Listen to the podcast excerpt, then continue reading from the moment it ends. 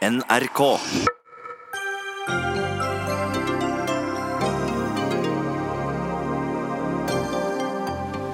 Frøya kommune sa ja til vindmøller, men snudde i går etter tre år. Uholdbar vingling, mener utbyggerne.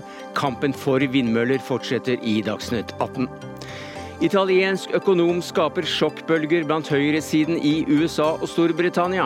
Mariana Mazzucato vil at staten skal sikre verdiskaping. Fem år siden 276 jenter ble bortført i Nigeria. Aksjonen Bring Back Our Girls demonstrerer hver eneste dag i Nigerias hovedstad, og vi snakker med aksjonens leder. Trond Giske vil at flere sportsarrangementer skal bli tilgjengelig for folk flest, etter at NRK tapte storanbudet om vintersporten i går. Helt overflødig, svarer Venstre. Og russen. Russen bråker så fælt i år også. Men det nye nå er avtalte slåsskamper mellom russ og ulike busser, sier professor i slikt.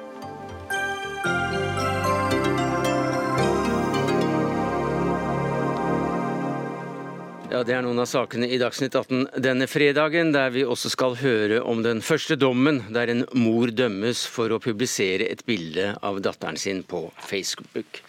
Men vi eh, begynner på Frøya, der det var planlagt en stor vindmøllepark. 180 meter høye skulle de bli, disse møllene. Men arbeidet ble stanset av aksjonister i første omgang. Og hvordan klarte dere det, Hans Anton Grønskag? Du er leder i Nei til vindkraftverk på Frøya utover gjennom uh, sivil ulydighet. Vi har ingen, uh, ingen som har hindra noen i å starte opp. Men uh, det var mye folk i området, og de var ute og gikk tur. og det, det her var ikke et område som var merka som industriutbyggingsområde. Og det var heller ikke satt noen fartsgrense. Og det var heller ikke, ikke påbegynt noe arbeid, så det ble litt vanskelig. Så vi hadde Eh, politiet også på vår side her, da, så, vi, så, vi, så de fikk sette fartsgrensa, dem i alle fall, for det har ikke, har ikke utbyggeren gjort. da. Så politiet var med dere? Politiet var med oss for å sette ned fartsgrensa fra 80 til 50. Fordi at Første dagen da, så var det massevis av biler som fikk, som fikk eh, bot, rett og slett. Ja, hva hadde det med aksjonen å gjøre? Nei, altså Det var jo parkert en del biler. og uh, de, kunne jo, de kunne jo starte opp, de har satt ifra seg en gravemaskin på området, så de kunne jo bare gå bort til gravemaskinen og starte opp der. så Ingen som har klart å hindre en gravemaskin. Var ingen som prøvde heller. Men det var altså det at det var folk i området som eh, selvfølgelig var ikke satt av til, til, til industriområdet. Det var ikke noe merking av det heller. Nei, så, så, så, dere blokkerte altså dette området med både folk og biler og paller? Nei, vi blokkerte ikke. De Nei. har tilgang på området. Ja. Men i går så stakk også kommunen kjepper i hjulene på anleggsmaskinen ved å trekke en nødvendig dispensasjon tilbake. Hva syns du om det vedtaket? Jo, jeg synes det var et uh, voksent vedtak. fordi uh, Det viser bare at kommunene uh, har rett til å bestemme i sitt eget hus. Og Det er jo ikke prøvd før. Så, men, og det som, det som, er litt spesielt også med kraftselskapene, her, at de truer med han begynte vel på noen millioner og havna opp på 400 millioner til slutt. Så de de har trua vel, og det har de men det gjort lenge overfor, overfor kommunen. Ja, nå, nå, snakker, nå, snakker, du om en eventuell sak som vi kan komme tilbake til. Eh, Bengt Eidem, du er kommunikasjonsdirektør i Trønder Energi, og det er dere som skulle eh, bygge ut her. Hva synes du om kommunestyrets vedtak eh, i går, som altså da snudde det hele og ikke gir dere den dispensasjonen dere må ha for å gå i gang med utbyggingen? Nei, Vi har jo dessverre havna i en veldig underlig og krevende situasjon. Eh, Frøya kommune har jo vært eh, aktivt medvirkende, medvirkende, for å realisere vindkraft på Frøya i 17 år. Den prosessen her har pågått eh, siden 2002. Og så har det da vært ei aksjonsgruppe som har vært veldig aktiv de tre-fire siste månedene. Den har riktignok vært mobilisert tidligere òg. Men de siste månedene har den mobilisert veldig aktivt, og det har nok gjort at politikerne på Frøya har følt et veldig sterkt eh, press. Og så er det jo sånn at eh, når vi starta anleggsvirksomheten forrige mandag, så var jo aksjonsgruppa allerede på plass. Og gjennom forrige uke så ble jo hele området barrikadert av traktorer, biler, paller og folk. Og politiet har gitt veldig tydelig pålegg om at de, de aksjonsformene skal opphøre, og de påleggene ble ikke, eh, påleggene ble ikke etterfulgt. Og nå snur altså kommunen også. Hva, hva syns du om det? Nei, Vi mener jo at eh, kommunen helt åpenbart ikke har anledning til å snu etter 17 års medvirkning. Etter at mange hundre millioner og store ressurser er forplikta i prosjektet. Og da er det faktisk for seint å snu eh, når anleggsmaskinene eh, er på vei inn og, eh, pengene og prosjektet er forplikta. Det er et stort prosjekt til over en halv milliard kroner, og da kan selvfølgelig ikke ha det sånn i Norge at ulovlige aksjoner skal kunne stanse lovlig virksomhet som har vært planlagt i lang tid. Nei, Pål Terje Bekken, du er varaordfører for Arbeiderpartiet i Frøya kommune. Det er for sent å snu, hører du Eidem som kommunikasjonsdirektør i Trønder Energi si. Hva sier du til det? Nei, Som Eidem sier, så er det jo noe som har pågått over veldig mange år. 17 år. Og I løpet av de 17 åra har vi hatt tre kommunevalg som har valgt nye representanter og ordførere har vært skifta. Det kommer folk inn og, folk, og, går folk ut, så meningene skifter. sånn at eh, Det har jo en medvirkende årsak til at det er et eh, nei-flertall nå da, i den aktuelle saken. Eidem. Ja, og, eh, men det er jo som sagt, her er det jo prosjekter som pågår over eh, lang tid. Eh, prosessen har vart i 17 år, og da kan ikke et sånt prosjekt Eh, på en måte bli gjenstand for, eh, for eh, skiftende humør i et, i et, kommunestyre. Og så forstår jeg selvfølgelig at politikerne har vært under et enormt press her fra, fra aksjonistene for å fatte det her vedtaket. Og så må vi også huske på at kommunens egen advokat og kommunens egen administrasjon innstilt til kommunestyret at man skulle gi Trønderenergi rett i det spørsmålet her. Og likevel så valgte politikerne da, pga. den skiftende eh, humøret, skiftende stemninga, å gå imot eh, egen administrasjon og imot eh, rådet fra egen advokat. Dere kan, altså ikke, bare, det... dere kan altså ikke bare skifte mening eh, sånn eh, helt uten videre, Bekken? Nei da, Det er noe som har pågått over lang tid. og Den dispensasjonen som var gitt i 2016, den gjelder jo i tre år. og det er jo, I Frøya kommune så er det vi som er planmyndighet. og Der er det ikke regelverk å forholde seg til. Og Etter tre år så går jo dispensen ut. og Hvis man ikke søker om å få forlenge den, gjør noe tiltak før den eh, går ut, så er tidsfristen utgått. og Da må man starte litt, litt på nytt, eventuelt å søke på en ny, mm. ny uh, dispensasjon. Det er sånn regelverket er. Det er vanskelig å forholde seg til, men det er sånn det er. Knut Krøppelin, du er administrerende direktør i Energi Norge og er også en slags paraplyorganisasjon for disse selskapene som nå går i gang med bl.a. vindmøller. Eh, hva sier du til kommunens begrunnelse? Jeg vil jo si, si, at eh, Vi i fornybarnæringen i Norge vi er jo avhengig av en god dialog med lokale myndigheter. Er dette, veldig... er, dette, en god dialog? Nei. og det, det, som kjennetegner denne prosessen, er jo at kommunen har vært en pådriver for utvikling av vindkraft i sin kommune. De har vært opptatt av fornybar energi og legge til rette for å bruke de gode vindressursene som finnes i kommunen. Og Hvis man eh, ser tilbake på historikken i saken, så har det jo ved alle korsveier vært veldig tydelig eh, drevet fra kommunen på Frøya at at man ønsker denne utviklingen. Så etter mitt skjønn så er det sånn at nettopp lokal eh, beslutningsmyndighet har vist vei i denne saken helt nå inntil de siste månedene. Og Det er derfor denne saken blir litt prinsipiell for norsk eh, fornybarnæring og norsk næringsliv. For vi kan ikke ha det sånn at man eh, som Eidem sier, står foran og skal starte arbeidet. Investeringen er gjort, avtalen er inngått, så snur man. Det er en viktig forutsetning for videre utvikling av næringslivet i Distrikts-Norge. Ja, Det er frøyværingen som bestemmer i henhold til planverket på Frøya. og påstå at Frøya kommune har vært en pådriver i denne saken, det er vel å ta til litt sterkt. Vi har jo hatt motstandsgruppe helt siden 2005. Da var det knapt uh, flertall ved folkeavstemning. Og Det har jo vært stridigheter hver gang det har vært snakk om, eh, om, om planer. sånn at pådriver det kan vi ikke ta på oss æra for å være. Ja, eh, Så vidt jeg kjenner saken, så startet denne tilbake i 2001-2004, eh, da man utredet arealplaner i kommunen og man hadde en dialog med NVE om dette. Og Vi har oppfattet det sånn at det hele tiden har vært stor oppslutning rundt å skape nye verdier gjennom vindkraftutbygging på Frøya. Det som er grunnen til at jeg er her i dag, det er jo fordi at dette har også virkninger for helt andre næringsgrener i Norge. Vi har et system som er basert på at man har eh, lokal medvirkning, viktige planprosesser. Det vil neppe bli gitt konsesjon til vindkraft i Norge uten at kommunen slutter opp rundt det. Men så må det altså på et eller annet tidspunkt gå en grense for når man eh, ikke lenger i anførselstegn kan ombestemme seg. Og det er det som er spesielt. Vi har lokalt eh, lokaldemokrati her i landet? Det er nettopp det som er så flott, og, og det er ja, Det virker ikke sånn på deg akkurat nå?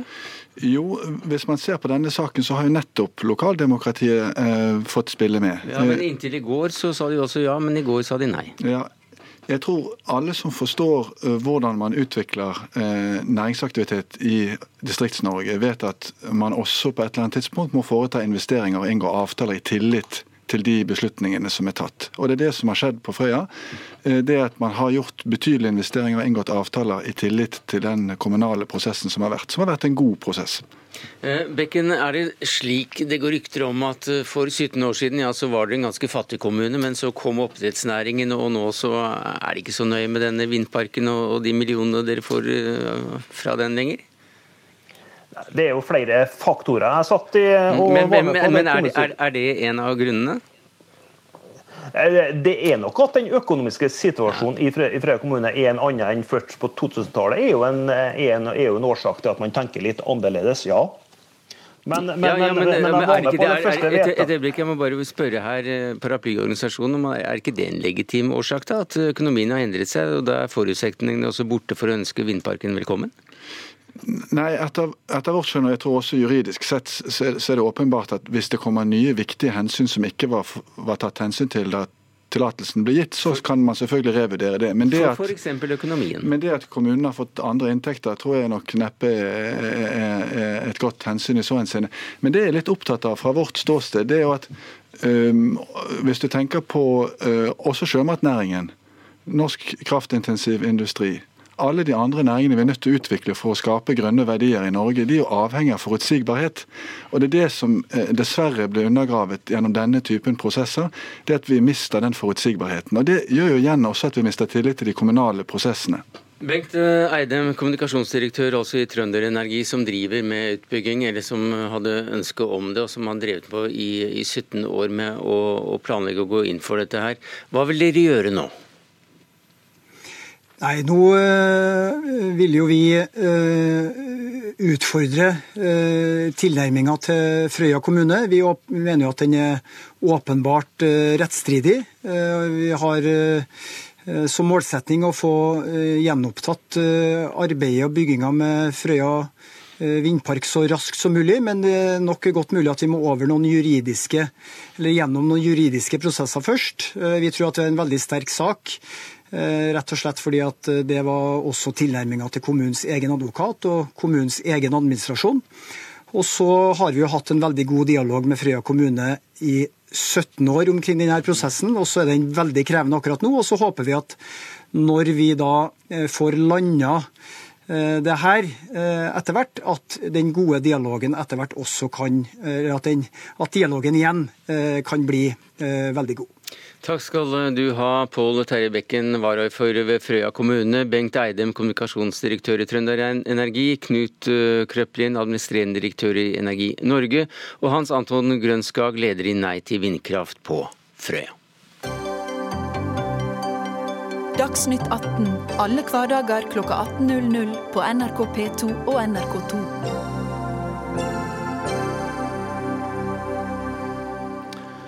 Denne uka ble en mor dømt for å ha delt bilder av sin datter på en Facebook-gruppe. Gruppen ble opprettet som et ledd i kvinnens kamp mot barnevernets avgjørelse om å frata kvinnen omsorgsretten til jenta. Kvinnen la ut bilder og video av jenta som gråt, sammen med annet materiale som retten mener da er av veldig sensitiv og privat karakter. Retten mener derfor at kvinnen har krenket sin egen datter ved å dele materialet med denne Facebook-gruppen. Og Vi skal snakke litt om dilemmaene i en slik sak. Kirsten Kolstad Kvale, du er seniorrådgiver ved Norges institusjon for menneskerettigheter. Hvordan vil du først karakterisere denne dommen? Nei, altså Denne dommen er jo ikke rettskraftig, så jeg skal ikke gå inn og kommentere sånn helt spesifikt på denne dommen. Den er anka, så får man se om den slipper inn til Høyesterett og hva som blir det endelige utfallet der. Eh, men det jeg kan si mer på sånn generelt grunnlag om denne dommen, er at eh, Eh, da kan vi si at den egentlig illustrerer to ting. Det ene er at eh, det er et strafferettslig eh, vern av barns rett til privatliv, som da altså handler om at foreldre i ytterste konsekvens kan bli dømt for å ha krenka barns rett til privatliv. Og det tenker jeg er et poeng som har Eh, som har en, Det er et pedagogisk poeng da, at det faktisk faller en dom. for Dette er første gangen det har falt en dom eh, på dette området. og At det kan være pedagogisk og allmennpreventivt eh, effekt av at man vet at det finnes faktisk noen sånne yttergrenser. Og Det andre poenget er at det er jo ikke alt som man skal belegge med straff her, men kanskje denne dommen her, denne avgjørelsen når den da blir omtalt i media, når den eventuelt blir rettskraftig og går via Høyesterett om den gjør det, så inviterer den jo til refleksjon for egentlig alle foreldre rundt å ja, er det sånn at eh, ja, jeg forvalter mitt barns eh, privatliv, men de har faktisk rettigheter, de også. Eh, og det er mye som ikke fanges opp av denne straffebestemmelsen, men som det også er grunn til å diskutere. Nei, for Hvis denne dommen blir stående, så er den jo faktisk historisk. Bjørn Erik Thon, du er direktør i Datatilsynet. og hvilke, hvilke, hvilke, hensyn og dilemmaer er det man står overfor i en slik sak? Ja, I denne saken her så er det forskjellige hensyn som egentlig krasjer sammen. Uh, altså Det er jo selvfølgelig barns rett til personvern som er, er svært viktig. Eh, og så krasjer det med foreldrenes eh, foreldreansvar. Eh, for det er jo slik at foreldrene bestemmer over barna sine veldig langt på vei. Og det betyr at foreldre kan ta gode og dårlige beslutninger på vegne av barna sine. Og heldigvis så ser vi at foreldre stort sett tar gode beslutninger, men noen ganger tar de dårlige beslutninger. Og så er det hensynet til, til ytringsfrihet, og det har også vi hatt en del saker på, både som har gjaldt dette, men som også gjelder at man har hatt blogger hvor man har hengt ut barnevernsansatte f.eks. Og det var jo også et tema faktisk i denne dommen her, selv om ikke, ikke den ble anket til, til, lagmannsretten. Så vi ser at det er ganske mange ulike hensyn som man må veie mot hverandre. Eh, og vi har hatt noen sånne saker til vurdering. Vi, har ikke fått mange klager på det, men vi har hatt noen saker til vurdering. Og det kan jeg nok være ærlig å si at det er noen av de vanskelige sakene vi har. Eh, og det er et sånt ytterligere ytterligere vanskelighet med dette, og det er hvor langt skal vi som er et statlig tilsyn gå inn i dette som er privatsfæren til folk. Eh, og Vi ser helt klart at vi har en rolle, og det er helt riktig at vi også tar opp saker hvis vi ser at barn blir krenket. Eh, men vi skal nok vise en viss tilbakeholdenhet med å gjøre det, også fordi vårt Regelverk er laget slik at vi kan eh, I dette tilfellet er det jo en strafferettssak, men vi kan ilegge overtredelsesgebyrer som kan være ganske store. Eh, og vi skal nok ha, være sikre på at vi treffer riktig hvis vi ilegger foreldre som veldig ofte også står i en fortvilet situasjon. Vi må ikke glemme det. Jeg er glad for at denne dommen kommer. Jeg syns det er fint at vi får en klarlegging av hvor grensene går, men vi ser jo i disse sakene så er det virkelig foreldre som står på fortvilelsens rand. Ja, hvor går grensene da?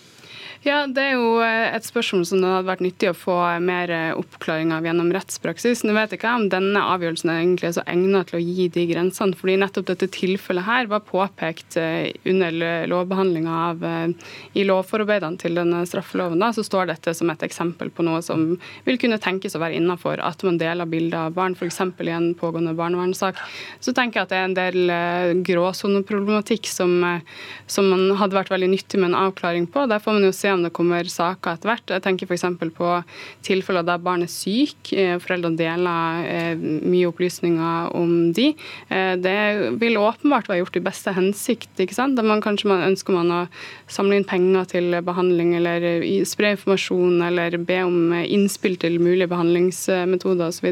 Men der du har plutselig en full sykejournal på et barn liggende ute på nett, som, også, som ikke står eksplisitt i lovforarbeidene, men det er et eksempel på gråsoneproblematikk. Og så har du eh, også andre saker som kanskje er mer eh, hva skal jeg si, triviell, men som, som, er, som er et illustrasjon på at barn kan tenke én ting i dag og en annen ting i morgen. For eksempel, jeg hørte et eksempel, et bilde av et barn som var, hadde et bilde av seg sjøl med smokk ute på en eller annen internettside ja, eller Facebook. Er ikke det lov? Jo, det kan du si. Kanskje tenker man at dette er greit i dag. Ungen min er to år, den bruker smokk, det er helt normalt. Det var et søtt og nusselig bilde, jeg hadde lyst til å dele det. Men det var en helt konkret sak der barnet syntes at dette var krenkende og ønska det sletta når det ble eldre og ja, ikke ønska det lenger. Ja, for det man gjør i disse sakene, det er at man tar jo fra barna historien deres øh, og skriver historien på vegne av foreldre. Det smokke-eksempelet har vi også sett. Det er jo et, et litt uskyldig og søtt eksempel, kanskje. Uh, men vi, det er jo en fare for at barn som blir eksponert på dette, denne måten, handler opp med å bli altså Det er fosterhjems-Per eller barnevernskåret, ikke sant? og det er veldig alvorlig. Men jeg, det jeg har lyst til å bare kommentere helt kort, eh, det er at jeg tror det er veldig vanskelig å si akkurat hvor grensen går, for her er det mange hensyn som, som må veies mot hverandre. Og I de sakene som vi har vurdert, så har vi bl.a. sett på vi har annet sett på barnets alder og om bildet er publisert mot barnets vilje. Vi har sett på hvor lett det er å kjenne igjen barnet, altså om det er veldig eksponert. Eh, det, det, der har jo også noe med alder å gjøre. ikke sant? Det er, det er lettere for et, et et lite barn å bli glemt enn det er for et stort barn. Eh, vi har sett også noe av motivasjonen, eller vurdere hva er motivasjonen til foreldrene. Eh, er det en kamp mot en annen forelder, som vi ser, at man bruker barn i en skilsmisse- eller barnefordelingssak f.eks. Eh, er det en kamp mot myndigheter, mot barnevern, er det for å fremme egeninteresser, eller er det en mer generell kamp mot f.eks. helsevesenet? Da mener nok vi at vi skal gå lenge, at vi skal tillate mer i ytringsfrihetens navn. Selv en smokk Eh, jeg tror nok ikke at vi hadde gått inn og behandlet en sak hvor det var bilde av en smokk, men det er typisk en sak, og jeg tror de fleste foreldre, hvis de tenker som en gang til, ville fjernet det bildet. Altså, For det er, det er, ikke alt dette vi skal løses av juridisk vei. altså Jussen kommer til kort på et mm. tidspunkt her. Men eh, jeg kommer også til kort når det, når det gjelder å forestille meg ulovligheten av å legge ut et bilde av, eh, av en unge med en smokk. Ja, og det er nettopp det at her tenker jeg at jussen ikke er eller strafferetten da, og Datatilsynet med sine virkemidler er ikke de som skal, eh, skal anvendes mot sånne eh, eksempler som det, f.eks. Men det er helt eh, åpenbart at, og helt uomtvist at barn har et selvstendig krav på privatliv. De er egne individer, de har en grunnlovsbeskytta rett til privatliv. Det følger av FNs barnekonvensjon at de har rett til dette. Og en bevisstgjøring som går for så vidt utenfor disse reaksjonene, strafferetten og det Datatilsynet kan gjøre, det tenker jeg at det er viktig. og Myndighetene kan jo ta andre grep enn nettopp straff og reaksjoner, men f.eks. opplæring og spre informasjon om, man, om, nettopp det at barn har privatliv. Da. Det tenker jeg er viktig. Mm. Kirsten Kolstad Kvale, seniorrådgiver ved Norges institusjon for menneskerettigheter. Takk for at du kom til Dagsnytt 18. Også til deg, Bjørn Erik Thon, direktør i Datatilsynet.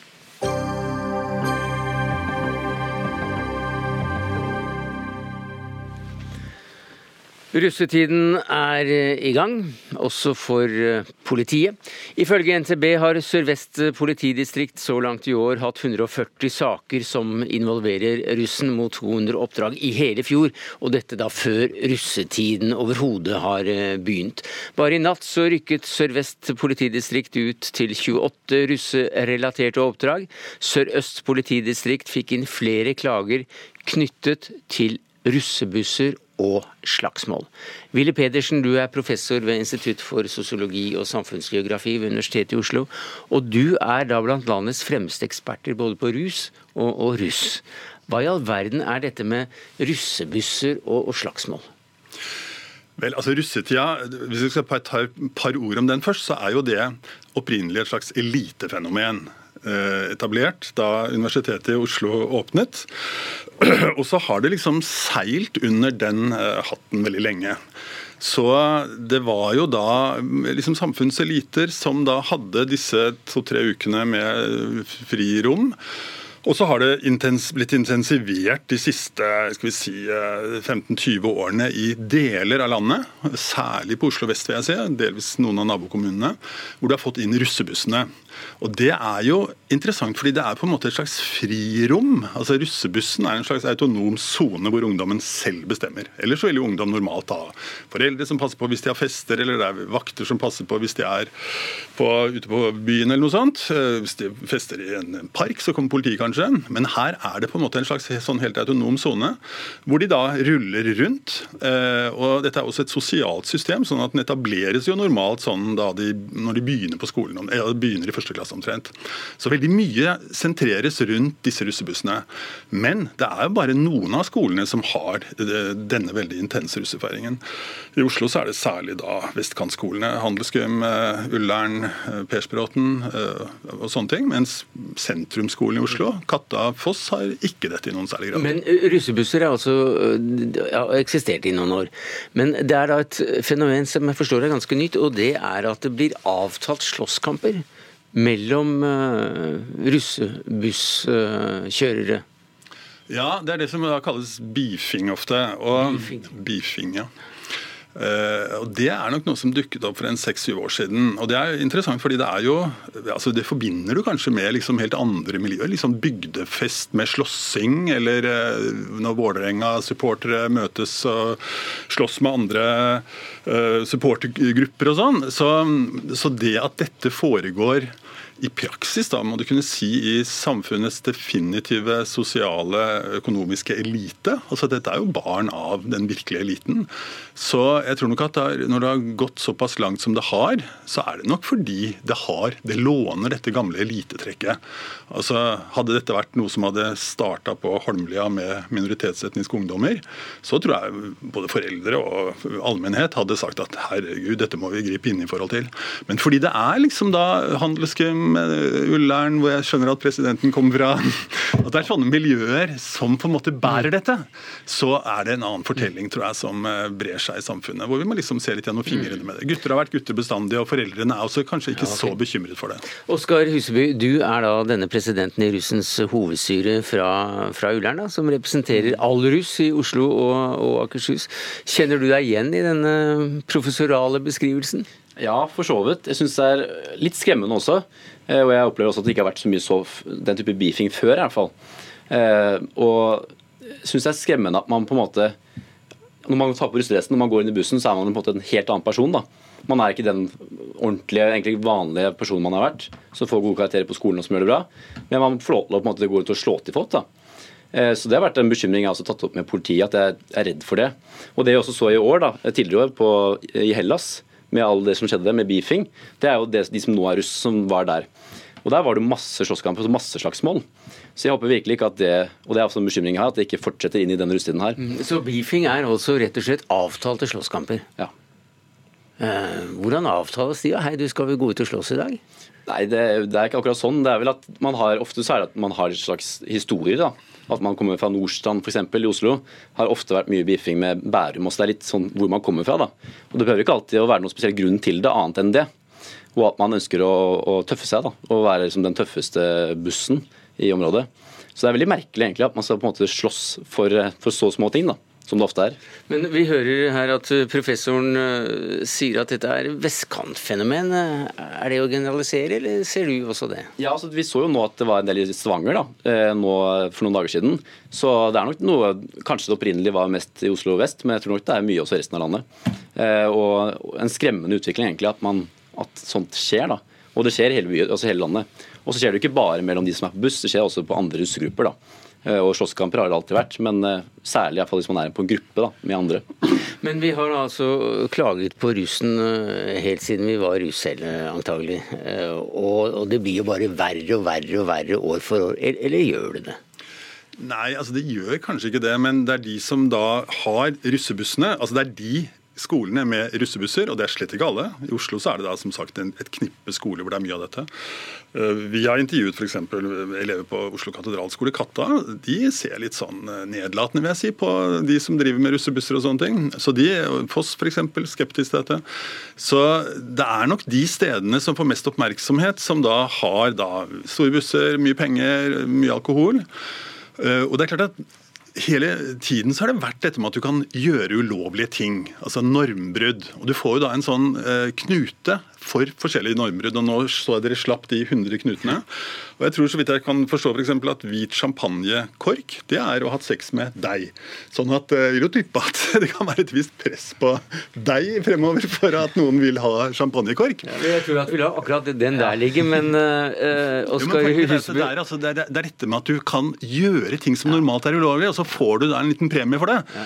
Uh, så det er det som gjør det litt uvanlig at dette løftes så veldig fram. Og så er det selvfølgelig sosiale medier. Dette løftes ut i sosiale medier på en helt ny måte. Oskar Huseby, president i russens hovedstyre i Oslo og Akershus. Gleder eller gruer du deg til russetida? Godt spørsmål, eh, egentlig. Eh, jeg gleder meg til å feire altså, det samholdet vi har fått i løpet av 13 år med skolegang, og få lov til å gjøre noe litt annet. da. Ikke bare sitte og øve til prøver, sånne ting som vi vanligvis gjør. Men så gruer meg litt, jeg føler jeg har litt ansvar også på vegne av all russ. da. At vi ikke får en russetid preget av masse slåsskamper, som vi har sett litt. Så jeg er liksom blandet, eh, blandete følelser, egentlig. Takk skal du ha, og takk til Willy Pedersen, professor ved Institutt for sosiologi og samfunnsgeografi ved Universitetet i Oslo.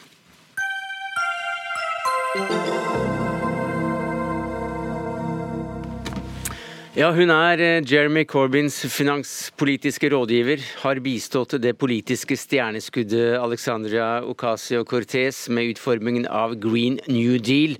Av konservative aviser kalles hun for verdens skumleste økonom. Mariana Masucato har tatt den vestlige venstresiden med storm. Ebba Boje, du er samfunnsøkonom og, samfunnsøkonom, og du er leder av nettverket Rethinking Economics Norge. Du har deg også fengsle av denne italiensk-amerikanske økonomen. Hvem er det vi snakker om? Ja, jeg har latt meg fengsle, og det er jo ikke Det er ikke, det er ikke, det er ikke rart. Og det er ikke bare det er ikke bare venstresida.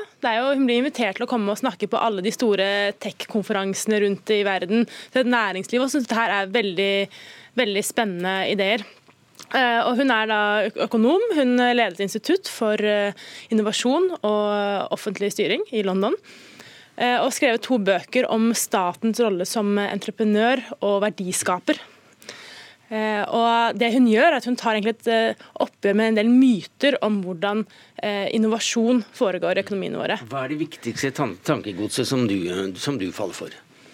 Det er ideen om altså, hvor viktig staten, statens rolle som verdiskaper. Da. At Vi har hatt en fortelling eh, siden kanskje 80-tallet hvor vi har endra fortellingen om statens eh, rolle. Hvor vi tenker at eh, det, er de private entreprenørene de på en måte skaper verdiene. Eh, og så er det staten og byråkratene de på en måte bruker de verdiene som andre har skapt. Og Så sier hun ja, hva om det ikke stemmer? Hva om eh, vi heller må se på det som et veldig godt samspill, der hvor privat eh, sektor og staten jobber Eh, jobbe sammen. Eh, og for statens rolle nettopp er å hele tiden legge til rette og jobbe, jobbe med næringslivet. og Da må man se på hvordan kan man Det handler ikke om å gjøre statens rolle mindre, men gjøre statens rolle bedre. Eh, for å, og spesielt da, Nå skal vi jo inn og vi skal få til et stort grønt skifte i økonomien. Ganske store endringer som skal til. og Da må vi, må vi ikke være redd for å la staten ta, ta, være en viktig del av den rollen. Da. Mm. Henrik Asheim, stortingsrepresentant og leder av finanskomiteen på Stortinget. Vi har hørt at uh, denne økonomen også får høyrekrefter i Europa og USA til å skjelve. Var du skremt? Nei, jeg har til og med møtt henne. Eh, jeg har til og med vært på frokostmøte med henne i Trondheim. og Da vi var et stykke ute i samtalen, så sa hun at eh, for å være helt ærlig så høres konservative i Norge ut som kommunister i USA. Mm. Og Det er fordi mange av de uh, sannhetene som helt åpenbart sjokkerer høyresiden i USA, eller kanskje Storbritannia også, er jo gammelt norsk tankegods. Altså Den erkjennelsen av f.eks. at vi har en aktiv stat. Vi har Enova som investerer tungt inn og stiller risikokapital hvis du skal nettopp gjøre grønne endringer. Da. Vi har laget Nysnø som investerer i grønne arbeidsplasser arbeidsplasser osv. Men ved siden av det så har man jo da eh, og det er det kanskje Problemet er at venstresiden i Europa for eksempel, griper da til at og Derfor mener hun det samme som norske stat mente på 60- og 70-tallet. At man skulle gå inn og for eksempel, redde industribedrifter osv. Men det gjør hun jo ikke. og det var sånn at Jeg spurte henne direkte om det også. Er du enig i at staten også kan gjøre dumme ting? Og Det var hun helt enig i. og Det syns jeg kanskje underkommuniseres litt når man snakker om henne. for Det høres ut som hun bare sier at staten er en kjempegod bidragsyter, men staten kan også gjøre fryktelig dumme investeringer. Men dette er også vanlig norsk politikk? Eh, ja, absolutt helt enig med, med, med Henrik Asheim i, i, det. og at Eh, og ja, som han sier, det er mange, dette her, det er jo egentlig en for, fortelling om hvordan ikke bare, ikke bare, norsk politikk, men det er jo også når du ser på de landene som har hatt en god eh, næringspolitikk, når du ser på Tyskland, ser på Kina, ser på USA, Sør-Korea, Storbritannia De har jo i hvert fall historisk eh, kjennetegn nettopp av den måten her å, å forstå eh, industriutvikling og næringspolitikk på. Men, men i fremtiden, hvilken rolle bør da staten ha f.eks. i et land som Norge når det gjelder å, å vise vei i utviklingen fram mot eh, et grønnere samfunn? En av de tingene hun trekker opp, da, er f.eks. behovet for å ha store statlige investeringsbanker, som man f.eks. har i Tyskland og, for også Kina. Eh, at, eh, og På den måten så har du en, en stor aktør i økonomien som kan gå inn og tenke langsiktig å gå inn i prosjekter som har med høy risiko, eh, som kanskje ikke kommer til å være lønnsomme før om mange år. Eh, og man kan gå inn i de aktører, og, og, da, og Når man tenker at det er en bank, så er poenget også da får man også eh, og, da, og det, det, handler om som du sier da, det handler om, om å tørre å, å feile. er vi nå vel opptatt. Man må tørre å tør, tørre å gå, gå, på en smell, for det det det handler om å ta høy risiko. Da. Men det er dette som er interessant, fordi eh, Når folk ser Norge utenfra, så ser man det man vil se. Er man på venstresiden, så ser man en sterk velferdsstat. Er man på høyresiden, så ser man den andre siden av Norge, nemlig en veldig fri markedsøkonomi. Den er langt friere i Norge enn den er i USA, f.eks.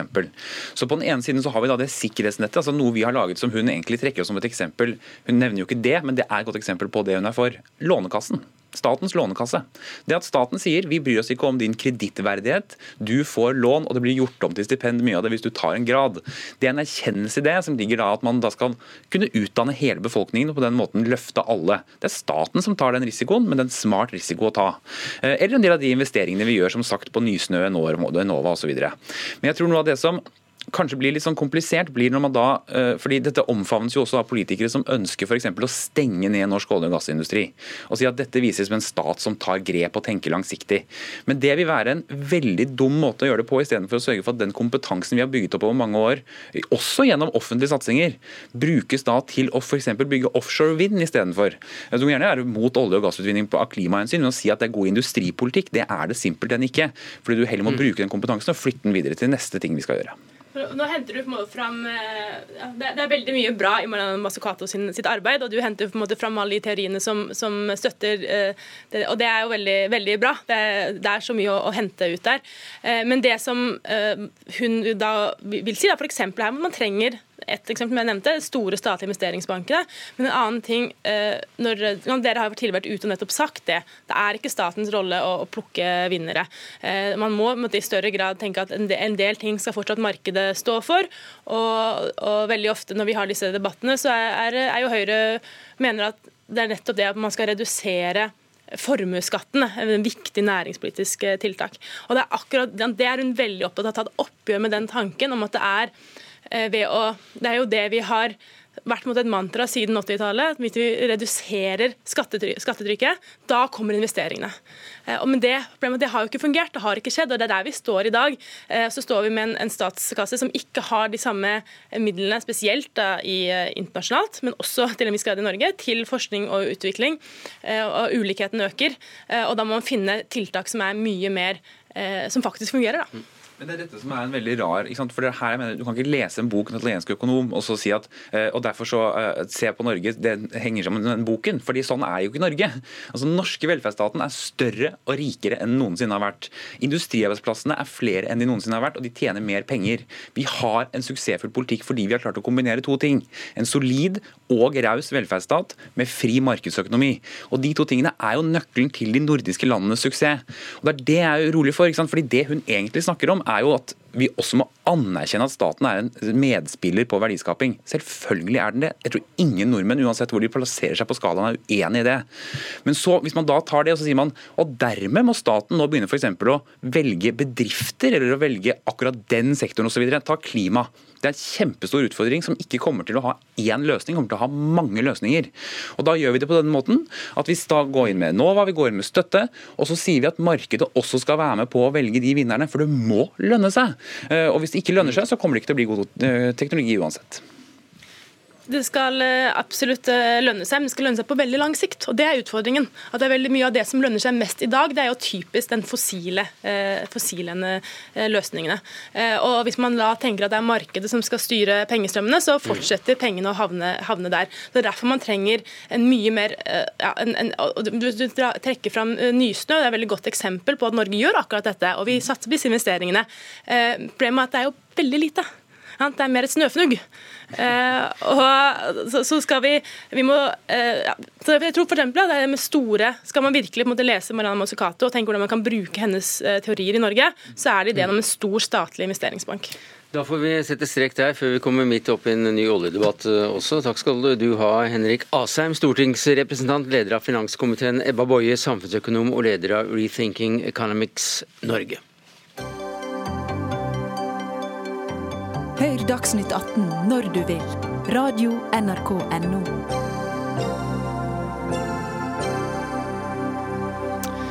For fem år siden ble 276 skolejenter fra småbyen Shibuk nordøst i Nigeria bortført av denne islamistiske terroristorganisasjonen Boko Haram. Det skjedde på skolens internat natten mellom 14. og 15. april. Og siden har jentenes familier, aktivister, kjendiser à la Michelle Obama og statsledere tatt på seg T-skjorter med slagordet 'Bring back our girls'. Eman Shehu, you are a member of the strategic uh, team in this organization.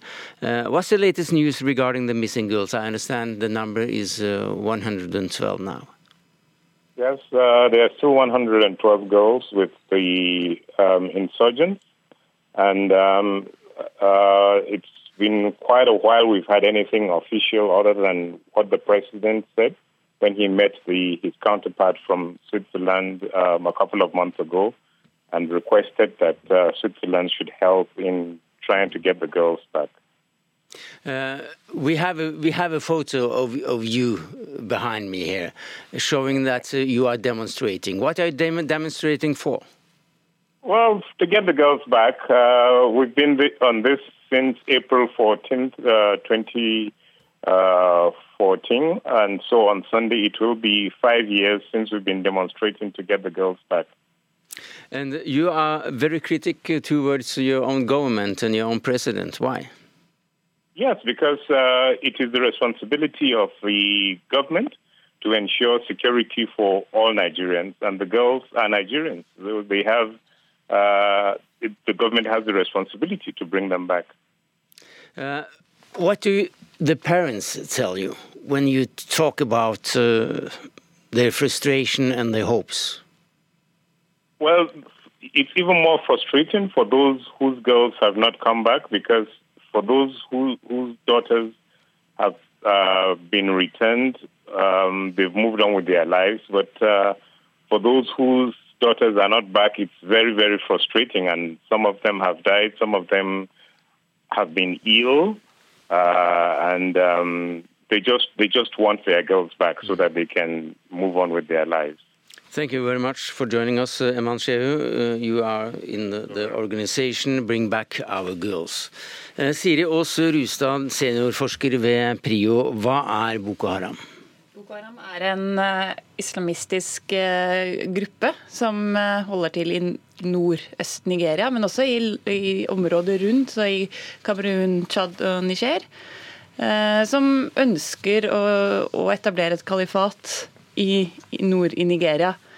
Um, de har også sterk støtte fra IS. Vi vet at IS, selv, om IS er slått i Syria, tilsynelatende, så har IS etablert seg i veldig mange andre land også. Og spesielt sterkt i den regionen som er rundt Lake Chad, eh, i området her. Men hva vil de da, Stig Arle Hansen, professor ved Norges miljø- og biovitenskapelige universitet på Ås. Eh, hvorfor kidnapper de unge jenter? Altså, Hva de vil, det har forandret seg over eh, mange år. Til å begynne med så var det faktisk eh, en stor del av antikorrupsjonsretorikk eh, som man så på stevnene deres. De var jo lovlige fram til 2009. Her er det nok en demonstrasjon av makt, og så er det dette her at man trenger folk i leirene, man trenger koner etc. etc. Og de har kidnappet også andre for å bruke i de forskjellige leirene sine. Eh, hva er det eh, som er mest alvorlig ved denne situasjonen for staten eh, Nigeria? Det er jo som ble nevnt før, det er at de ikke klarer å finne de jentene. De klarer ikke å vise at de har kontroll. Da. Det var jo noe som Buhari stilte til valg på i 2015, at han skulle slå Boko Haram. Nå ble han gjenvalgt nå for en, en måneds tid siden. Eh, og sier at eh, Boko Haram har ikke noe territorie i, eh, i Nigeria. Men det er klart når det fortsatt mangler 112 jenter som man ikke kan gjøre rede for, så er det jo noe som er, som er feil. Og Det er et tydelig problem for staten at de ikke klarer å vise at de har kontroll. Stig Arle Hansen, hva slags organisasjon er det når du ser dem i sammenheng med andre organisasjoner i dette tørre beltet tvers over Afrika som vi kaller for Sahel? Altså de har jo hatt eh, nettverkskontakter og de har vært veldig flinke til å overleve. Men de har jo også gått på en splittelse. Det må vi jo eh, si her, hvor du hadde IS da, som kommer inn. Organisasjonen erklærte lojalitet overfor IS. Og så går IS inn og støtter en lederkandidat, hvor da den gamle lederen Shekau ikke nekter å gå av, men fortsatt erklærer seg lojal for IS. Og dette er jo to fraksjoner vi snakker om i dag. Eh, så de fikk den splittelsen. Og nå har de nettopp skiftet leder i den ene fraksjonen igjen. Men de har holdt seg. De har greid å livnære seg på landsbygda. Det har vært store ressurser som har blitt satt inn mot de, og allikevel så har de greid å påføre den iranske staten ganske mye store nederlag, inkludert at de faktisk slo ut eh, to hele bataljoner for et par år siden. Og det er ganske sært i Afrika syd for Sahara. Hvordan kan de klare det? Uh, tror... er, har de stor støtte i lokalbefolkningen f.eks.? Er det en, en, av årsakene? De har nok ikke veldig stor støtte i befolkningen, det kanskje kan snarere være bedre på. Men uh, jeg tror det handler også om organisering. Jeg tror ikke den nigerianske staten har klart å organisere sitt militære så godt. Det har vært frustrasjon fordi uh, det her også skjer i Kamerun, og der har det kanskje vært bedre organisert. Så det er, det er noe med de ressursene som ble satt inn på å løse problemet, som ikke ikke var gode nok. da. De har ikke gode nok våpen, de har ikke god nok, eh, det er ikke god nok rotasjon på soldatene som slåss mot Boko Haram. Eh, og da blir det et mye mer jevnt eh, en jevn konflikt. da. Man skulle jo tro at staten Nigeria, som er en relativt rik stat, lett skulle slå en liten gruppe, men det gjør det ikke. Ja, jeg er jo Veldig enig. Altså, Boko Haram har eh, på en måte skapt litt skadefryd i Afrika, faktisk. Fordi andre rivaler til Nigeria i forhold til politikken i AU og sånn har sett på Nigeria nå som en sånn eh, gigant på leirføtter. Man greier ikke å trygge sine egne områder. og For et par år siden så var det sånn at Tsjad måtte intervenere. At man så tsjadiske styrker internt i, i, Nigeria. Jeg tror eh, Det har vært framganger her, men jeg tror fortsatt en av de viktige tingene her er faktisk sikkerhet på landsbygda. og, og der tror jeg det er masse som gjenstår. For eh, det har vært mange snakk om eh, støtte støtte fra utlandet og sånn til Boko Haram, men en god del av disse inntektene kommer faktisk fra å plyndre landsby. Og så er det sånn at eh, eh, når jeg holdt på å gjøre undersøkelser i forbindelse med boken min, så det, fant jeg også at de hadde direkte investeringsrutiner, så du kunne faktisk gå til Boko Haram og be om penger for å investere i mm. forskjellige prosjekter. Så det er, det er to mye mer avanserte organisasjoner enn det mange gir de kreditt for, for å si det sånn. Du nevnte en bok, og det er en bok som kommer rett rundt hjørnet, heter Horn, Sahel and Rift, Fault Lines of the African uh, Jihad. Og, og ifølge anmeldelser så er det en must read og outstanding. Uh, men til, til bistandsaktuelt så sier du at det er en gåte at terroristene i for så vidt hele dette beltet, altså fra fra Al Shabaab i Somalia og inn til Mali ikke er blitt nedkjempet. Er det en gåte? Ja, Det har vært en gåte for mange. Men jeg, jeg syns ikke, ja, jeg syns ikke det er så stor gåte eh, okay. når alt kommer til alt. Eh, djevelen ligger i detaljene. Det har vært veldig stort fokus på f.eks. terrorhandlinger i byene og sånn. Eh, men her er det veldig mange av disse inntektene som genereres på landsbygda. og Det betyr at du må skape en slags stabilitet på landsbygda. Og det er også en del av disse organisasjonene som går inn og legger seg oppå lokale konflikter fra før av. Og disse to tingene har ikke alltid vært så veldig langt framme når man snakker om stabilisering i forhold til krigen mot terror og sånn. Det har veldig ofte vært sånn at man diskuterer de internasjonale nettverkene, og de er der. Men denne lokaldynamikken har eh, Man må rett og slett være mye mer på dette her. Men vi hørte eh, deg, Siri Aas Rustad, si at eh, de gjerne vil opprette et, et en religion uh, styrt, et religion, et kalifat. Mm. så det er altså en religionskrig? Det er en uh, religionskrig. Er, som regel så er det jo ting som ligger under religion. Det er veldig sjelden man har en konflikt hvor man bare kriger fordi man har forskjellig religion. religion er en identitet som man, som man bygger opp under andre problemer. og i Nordøst-Nigeria er ekstremt fattig. Det er ekstreme ulikheter i Nigeria i forhold til nord og sør. Og da blir religion en veldig nyttig måte å mobilisere støtte til en sak. da. Eh, så om man skal kalle det en religionskrig, det kan jo diskuteres. Nei, altså, Vi må jo understreke det at uh, hvis du ser på tidlig Boko Haram, så var det veldig harde diskusjoner med fremstående religiøse le muslimske ledere. Det var, gikk ganske hardt uh, for seg i, i, noen av disse debattene.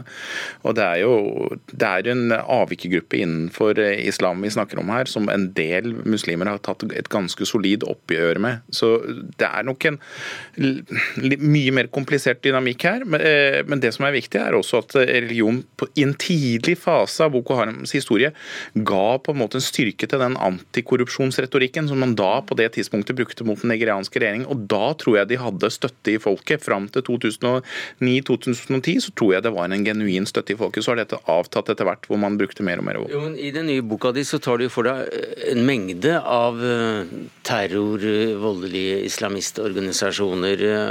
Og hvis du ser det under ett, hvilken forklaringstyngde har religionen? Jeg tror faktisk den har en mindre forklaringstyngde. Her er det et, et, et sett, en ideologi innen en religion, eh, snarere enn en videre religion. Og så er det sånn at det er et nettverk som har visst å ta og utnytte lokale muligheter. Eh, og Det går igjen eh, mange steder. Og så går det igjen det at veldig mye av disse inntektene faktisk genereres lokalt. Eh, og Der er det igjen eh, disse inntektskildene. Bare det at man får lov til å plyndre en landsby fordi det ikke er en sikkerhet i den landsbyen.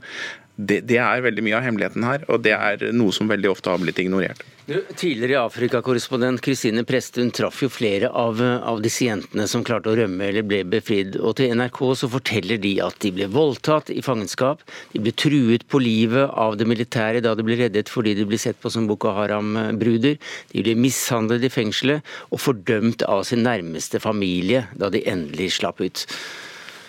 Hva skjer med slike jenter? Det er klart at det er et ekstremt traume. Eh, og det, det å bruke seksualisert vold i en konflikt, det er, det er ekstremt effektivt. Og det er derfor det dessverre blir brukt veldig mange steder. Vi ser det jo også med yazidiene i eh, Irak. og det du blir utstøtt av familien din, du vil ikke få noe støtte hjemme. Det er, eh, det er klart at det her er ekstremt ødeleggende.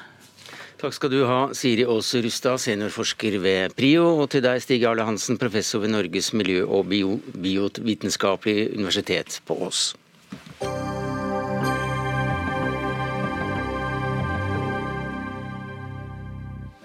Ja, I går mistet eh, NRK senderettighetene til eh, Det internasjonale skiforbundets eh, verdenscuparrangementer fra sesongen 2021.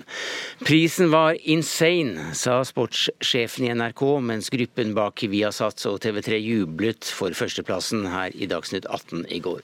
Trond Giske, da du var kulturminister i regjeringen Stoltenberg, så opprettet du en liste over store sportsbegivenheter som du mente skulle sendes på nasjonal nasjonale eh, fjernsynsstasjoner uten betalingsmur. Og nå vil du utvide denne listen. Hvorfor det? Fordi jeg mener at dette er noe som eh, alle, og ikke bare de få, skal ta del i. Det er bygd på investeringspenger som samfunnet har gjort. Idretten får eh, nær 3 milliarder kroner i året fra samfunnet. Og jeg forventer at disse høydepunktene skal være tilgjengelige for alle. Og Det er riktig som du sier, at eh, da jeg var kulturminister, så innførte vi eh, det som kringkastingsdirektivet åpner for, en liste som sier hvilke store sportsbegivenheter som skal gjøres tilgjengelig på allmennkringkastere eller åpne kanaler. Eh, idretten skal fortsatt få betalt, men folket skal kunne få se det. Eh, det er ett eh, verdenscuprenn som er på den lista, og det er Holmenkollsøndagen. Eh, men nå lukkes altså hele verdenscupen både i langrenn, i alpint, i hopp, i kombinert, i snowboard, eh, bak potensielle betalingsmurer. Og Jeg tror også det er en ufattelig kortsiktig strategi fra eh, skisporten sjøl. Fordi med færre seere blir det mindre oppmerksomhet, da blir det mindre sponsorkroner, og det blir i neste runde også mindre TV-penger. Så dette er å skyte seg sjøl i foten. Så du vil utvide denne listen til også å gjelde disse verdenscuparrangementene? Ja, jeg vil i hvert fall at eh, Kulturdepartementet tar en gjennomgang av den lista, og ser om det i hvert fall er noe som skal utvides på denne lista. Fordi eh, jeg mener at eh, ja, dette er feil strategi fra idretten, og det er veldig feil disse idrettsøyeblikkene er noe av de få tingene vi fortsatt har felles i et land, og jeg tror det er veldig synd om dette forsvinner inn på betalingskanaler. Grunde Almeland, stortingsrepresentant for Venstre. Det er dere som sitter med, med kulturministeren her. Dette er et helt overflødig forslag, har du sagt. Hvorfor det? Nei, Det er jo hovedsakelig fordi vi har en ganske omfattende liste allerede, som eh, har av seg veldig mange av de virkelig store arrangementene. Eh, og vi har jo en liste som, som definerer hvilke eh, idrettsarrangement som er av samfunnsmessig stor verdi. Eh, så kan jeg godt være med på en diskusjon om hvilke enkeltarrangementer som bør være på en sånn liste, men jeg forutsetter jo også at Kulturdepartementet tar en vurdering av den listen som, som eksisterer, og ser om de arrangementene som står på denne dekkene for det vi mener er av absolutt stor samfunnsmessig betydning. Men så handler det jo litt også her om å være eh, ansvarlige, voksne, seriøse politikere som gir forutsigbarhet også for en bransje. Fordi her er det jo idretten som forvalter rettighetene, som har solgt disse rettighetene. Og da må det også være forutsigbart for de som har kjøpt rettighetene, å vite hva de faktisk har å forholde seg til. Giske, du har også vært næringsminister, så dette forstår du vel? Jeg forstår at det kan være business i idrett, absolutt. Eh, men, og jeg tror ikke egentlig den politiske diskusjonen eller den politiske uenigheten trenger å være så stor her. Eh, og det er ikke sikkert at politikere kan løse alle problem heller. Men vi bør jo se hva vi kan bidra med for at folket skal få se idrett. Min, altså, da Trine Skei Grande ble spurt om dette i går, så sa hun at hun var først og fremst glad for at NRK ikke hadde vært med på budrunden. og Det er sikkert et greit standpunkt. Men det første og viktigste er jo å si at det er dypt provoserende at FIS, som forvalter disse rettighetene, egentlig sende disse rettighetene ut i en spekulasjonsspiral. Først så selger de det til et selskap som heter Intersports og Media, som er eid av et kinesisk investeringsselskap. Så selger altså dette selskapet rettighetene videre til Nordic Entertainment Group. Og så skal dette selskapet igjen forvalte det ut på Viasat-kanalene, eller selge det videre til neste ledd.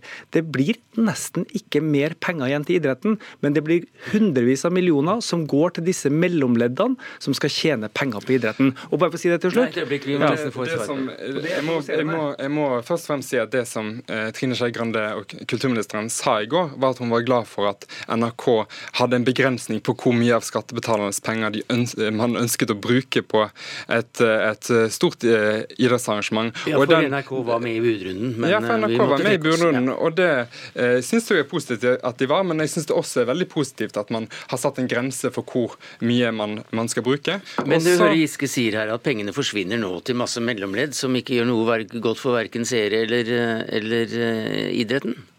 Ja, men det, vi, det Eh, idretten forvalter jo rettighetene selv, og man må jo finne en fornuftig måte å gjøre det på. Eh, og det har, Jeg har tillit til at idretten også skal, skal klare å gjøre det. Og jeg har tillit til at man også fra norsk idretts side vil gi tydelige signaler om hva man mener om hvordan disse rettighetene blir forvaltet. Men det som også er et viktig poeng, er jo nettopp denne listen med disse store idrettsarrangementene, der OL er på listen, VM i fotball, eh, VM i håndball. En del av disse store idrettsarrangementene er på den listen. Og det den listen sier, er jo nettopp det at han stiller to kriterier. Det ene er at eh, det skal gå på kanaler som man ikke trenger å betale ekstra for, for, og det skal være kanaler som er tilgjengelige for over 90% av befolkningen. Ja, Det er den tilliten du har til det internasjonale idrettssystemet som jeg ikke deler.